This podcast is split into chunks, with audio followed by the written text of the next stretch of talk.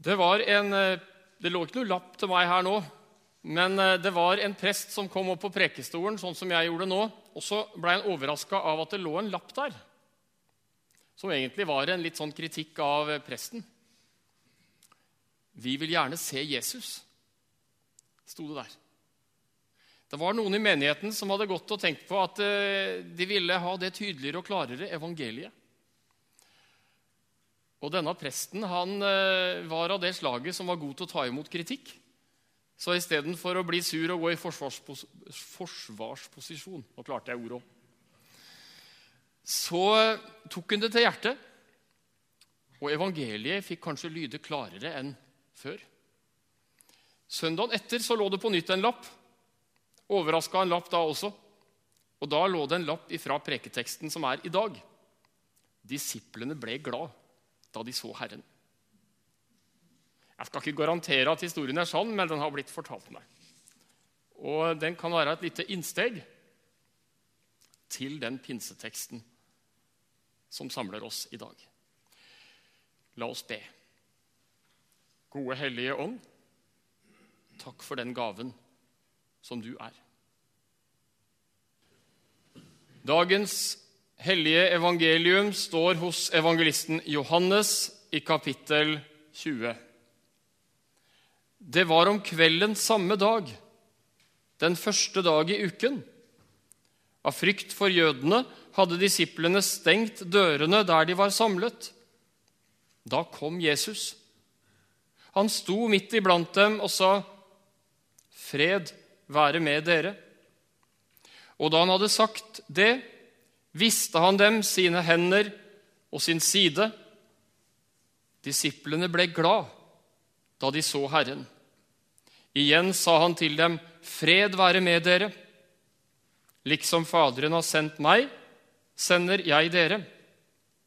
Så åndet han på dem og sa, 'Ta imot Den hellige ånd.' Dersom, noen, dersom dere tilgir noen deres synder, da er de tilgitt. Dersom dere fastholder dem for noen, da er de fastholdt. Slik lyder Herrens ord.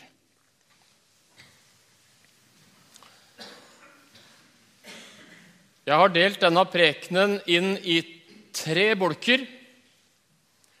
Og den første bolken har jeg gitt overskriften 'Liv i gave på tross'. Jeg har kjent en bønn, og jeg har kjent et ønske før denne pinsegudstjenesten om at Guds ånd skal arbeide sånn med oss som er her, og som følger gudstjenesten, at det skapes liv og friskhet i dypeste og beste forstand. At Gud får gjøre, at Gud, Hellige Ånd, får gjøre det underet med oss. Og jeg har stilt meg spørsmålet hva med meg? Jeg må innrømme at jeg har et varierende bønneliv. Og jeg må innrømme at uh, når noen eh, gode kristne med, på en prisverdig måte gir uttrykk for sin Jesusbegeistring, så må jeg ikke sjelden bruke litt svakere ord. Og snakke litt mer lavmælt om det når jeg skal gi en beskrivelse av mine følelser, av min opplevelse, av mitt forhold til Jesus. Og når jeg leser Bibelen, så varierer det veldig. Og jeg opplever også, og det er ikke lenge siden sist, at jeg har lest Bibelen og kjent at det tar liksom ikke tak. Det går liksom litt hus forbi, og det er et eller annet som gjør at eh, jeg kan jammen ikke bruke store ord om mine åndelige opplevelser i møte med Bibelen. Jeg har erfaringer, og det snakker jeg ikke om langt tilbake, men jeg snakker om helt ferske erfaringer. Av, av stengte dører. Dører som virker litt stengt i forhold til Gud. Er jeg en dårlig kristen? Hva med disiplene i den teksten vi er sammen om nå? Hva med de som var håndplukka av Jesus til å gå i tre år i hans disippeltreningsskole? Hva med dem? Voldsomme erfaringer hadde de hatt. Profetiene om Kristus hadde gått i oppfyllelse rett for øynene på dem. Oppstandelsen hadde faktisk skjedd samme dagen. Vår tekst er henta fra første påskedag. Samme dagen hadde oppstandelsen skjedd. Og litt før det De var sammen med Jesus. De hadde førstehånds sterke erfaringer med Jesus og hadde allikevel flykta i Getsemanehagen og vist ganske lite heltemodighet i forhold til bønnetrofasthet, forteller Bibelen. Og her på første påskedagskveld så var tilliten til Gud såpass variabel at de bolta og låste dørene forsvarlig igjen. Redde og forskremte og lite frimodige var de. Det forteller Bibelen. Det var ikke overmåte med sprudlende åndelig friskhet i den fortellingen. Hva sa Jesus da? Nå får det være nok. Nå gidder jeg ikke mer. Nå kan dere seile deres egen sjø. Nå holder det. Jeg har strevd med dere i tre år. Nå er det over. Det nytter hvis ikke dere er såpass tunglærte og dere er såpass lite åndelige, så nå setter vi punktum. Jeg finner noen andre som jeg kan satse på isteden. For dere kan jeg i hvert fall ikke bruke. Noen av dere smiler. Vi veit det endte ikke sånn. Vi veit at det endte ikke sånn. Og, og jeg har utheva i manuset med ekstra store bokstaver og med ekstra feite typer Da kom Jesus. Han kom til dem. Midt inn i alt dette så kom han. Han satsa på dem. Ikke pga. kvaliteter han fant hos dem. Men det er en sterk fortelling om nåden, en sterk fortelling om åndens gjerning om evangeliet, hva evangeliet er, evangeliet, hva evangeliet gjør den gang og i dag. Da kom Jesus. Det er trøst for meg. Og jeg kjenner glede ved å lese det. Og jeg kjenner at det er sjelesorg for meg å lese teksten til i dag. Jeg kjenner det gjør godt. Jeg kjenner det er næring. Det er jo liv. Det er jo Gud som gir liv. Det er jo Gud som gir friskhet. Gjennom den fortellingen som rekkes oss i dag, på første pinsedagen 2020. Og Så kunne en tenke at Jesus han kom der med en litt sinna pekefinger og ga seg til å Ja, Jesus kunne irettesette, det kunne han. Men en kunne tenke at særlig nå, når de viste så mye tafatthet og så lite tru, så kom Jesus først og fremst med sin anklagende pekefinger. Teksten til pinsedag i år er veldig kort. Det er ikke mange setningene. Allikevel er setningen 'Fred være med dere' ikke én, men to ganger. Så sterkt ville Jesus understreke det. Sin fred. Ikke en fred bunna i kvaliteter hos disiplene men en fred bunna i åndens gjerning, i evangeliets gjerning, i nåden. Det er en sterk tekst. Det er et velsigna sterkt budskap som samler oss her vi er. Og det er min bønn at vi ikke skal være sammen først og fremst om et teoretisk foredrag om hva Det nye testamentet og for den saks skyld Det gamle testamentet lærer om Den hellige ånd, men at det vel så mye ved Åndens under skal få være smak av det liv og den friskhet som er gitt til ungdom, som er gitt til barn, som er gitt til voksne, gjennom Ånden, gjennom evangeliet. Jeg pleier ikke å sitere den eh, nikenske trosbekjennelse, for det er litt sånn kompliserte greier, og det ligger litt utafor det jeg veldig ofte leser. Men den nikenske trosbekjennelse, som noen ganger brukes i kirker, både i Norske kirke og i Delk, der omtales Den hellige ånd som livgiveren. Smak på det ordet. Det er noe annet enn tørr kunnskap. Det er noe annet enn å ha masse greier plassert eh, velformulert og matematisk oppi hjernebarken. Livgiveren. Vet du, livgiveren er her. Han ønsker å komme tett innpå deg i ditt liv, akkurat sånn som det livet er. Å dele liv, dele friskhet og dele nåde. Det samler oss i dag. Det vil Den hellige ånd. Kom du livets ånd med nåde, synger vi i en gammel salme. Det er en bra bønn. Kom du livets ånd. Han er livets ånd. Ikke teorienes ånd, først og fremst. Så har jeg kommet til punkt to. Det vil si at vi har tatt en tredjedel av prekenen. Da åndet han på dem. Noen syns kanskje det er en litt merkelig setning. Jeg er ikke så vant med at sånt sies. Da åndet han på dem, da pusta han på dem. Eh, åndedrette. Hva forteller det? Det er sånn med mennesker, og det er sånn med dyr. Åndedrettet er blant de fremste kjennetegn på om det er liv eller død. Ånde. Det er liv. Så Sånn sett så er det i slekt med det vi allerede har vært sammen om i denne prekenen. Åshild leste, du leste Første Mosebok 2. Gud blåste inn i mennesket. Ånde. Åndet. Da blei det liv der det var død. Da blei det friskhet. Da skjedde det noe. Guds velsignede skaperunder gjennom Ånden. Den hellige ånd er på en måte en repetisjon, en gjentagelse av skapelsens herlige under. Johannes evangeliet kapittel 6. Det er Ånden som gjør levende. Ånden gjør levende.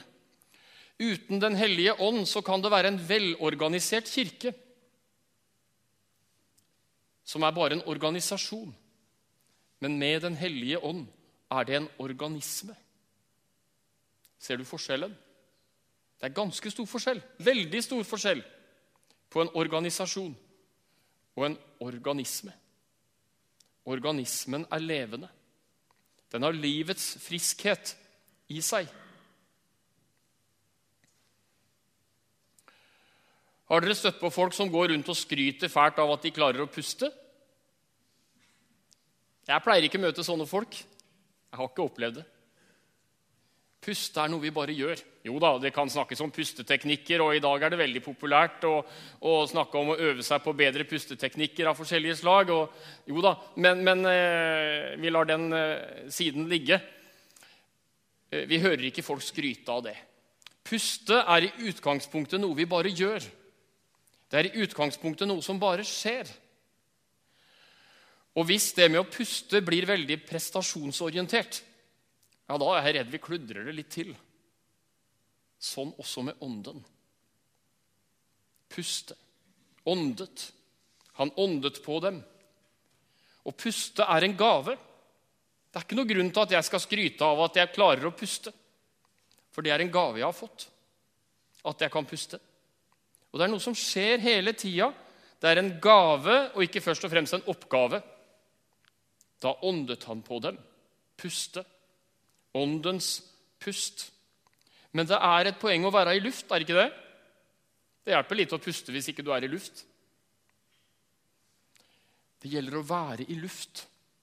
Nå er du i luft. Du er et sted evangeliet forkynnes.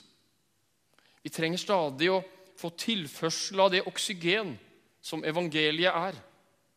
Den hellige ånd bruker det. Den hellige ånd anvender det. Fellesskapet med de troende dåpen, nattværen. Sånt bruker Den hellige ånd til å skape det liv og den friskhet som Den hellige ånd ønsker å skape. Da åndet han på dem. Den hellige ånd er ikke en premie til superkristne, men Den hellige ånd er gave. Jeg vil gjerne du skal huske det fra prekenen. Den hellige ånd er gave. Og Den svenske biskop Bo Giertz har laga et hefte som jeg har liggende ute på kontoret rett borti gangen her. Og Det heftet heter 'Evangeliet om Den hellige ånd'. Du kan knapt si noe mer treffende for å beskrive Bibelens lære om Den hellige ånd. Læren om Den hellige ånd er at dette er et evangelium. Dersom dere tilgir noen deres synder, er de tilgitt. Den hellige ånd vil gjerne rope det inn, hviske det inn, prente det inn. Til dere som er i kirken her, og til eh, barna på søndagsskolen, og til dere som følger oss på nettet. Tilgir, blir tilgitt. Det er det han har kommet for. Det er det han så gjerne vil. Alt, uansett hva slag det er, uansett hvor mye det måtte plage samvittigheten, uansett hvor mye skam det måtte være befengt med, tilgir. Strek over. Det er vi ferdig med. Det har vi lagt bak.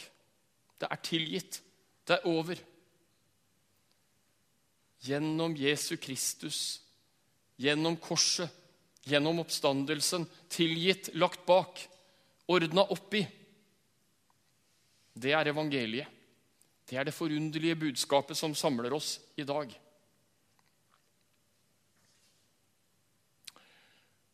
Og så står det noe mer. Så står det noe mer i teksten i dag. Og det er det vanskeligste å ta fram. Det står noe mer i teksten i dag. Dersom dere fastholder noen deres synder, er de fastholdt. Sånn slutter teksten i dag. Hvorfor sa Jesus det? Hvorfor tar Jesus med noe som kan ødelegge idyllen og det vakre som er sagt forut? Det er mange ting å si om det verset, og en god del av det skal jeg la ligge i dag. Det er utafor det vi berører i dag. Eh, vi kan ikke ta for mye av gangen. Men en av tinga Jesus vil ha fram, er at den herlige, frie nåde om syndenes forlatelse er ikke det samme som syndenes tillatelse.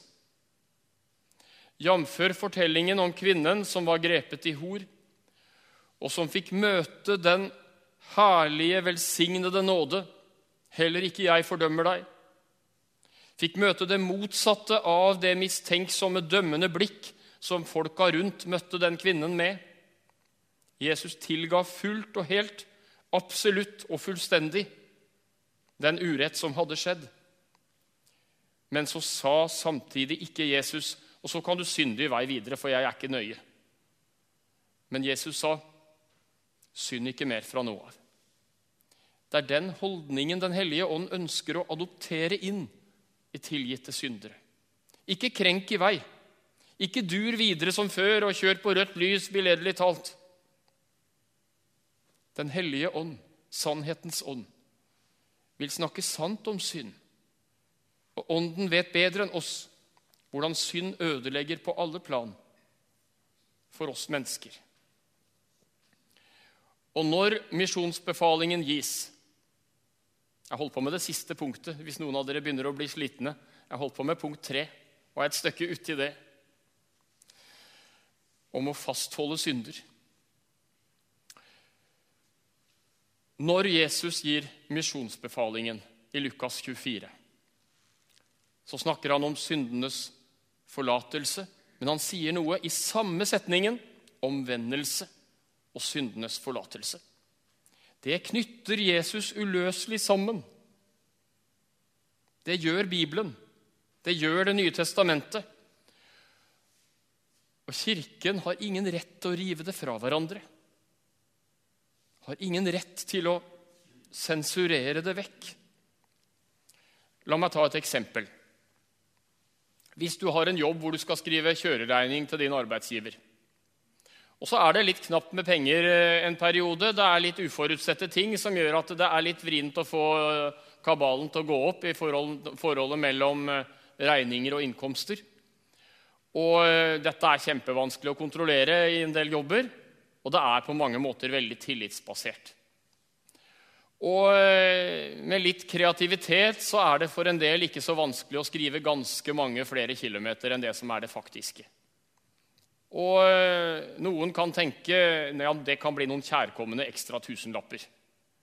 Og smøre på litt ekstra på kjøreregninga.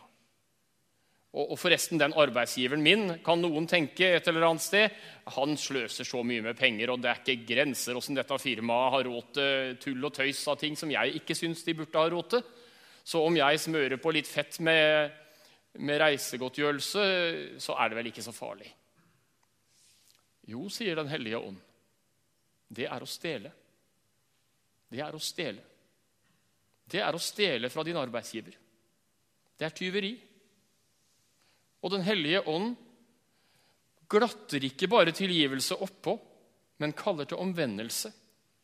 Og sier faktisk at fortsetter du med det der, så kan du bedøve din samvittighet på en måte som er farlig, og som kan føre til at synd faktisk gror seg fast og blir en syndig vane.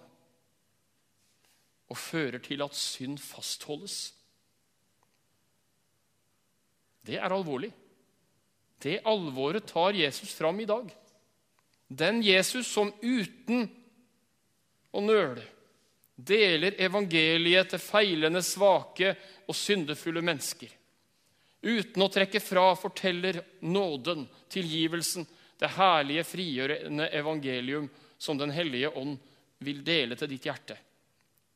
Han advarer samtidig mot å fastholde synd.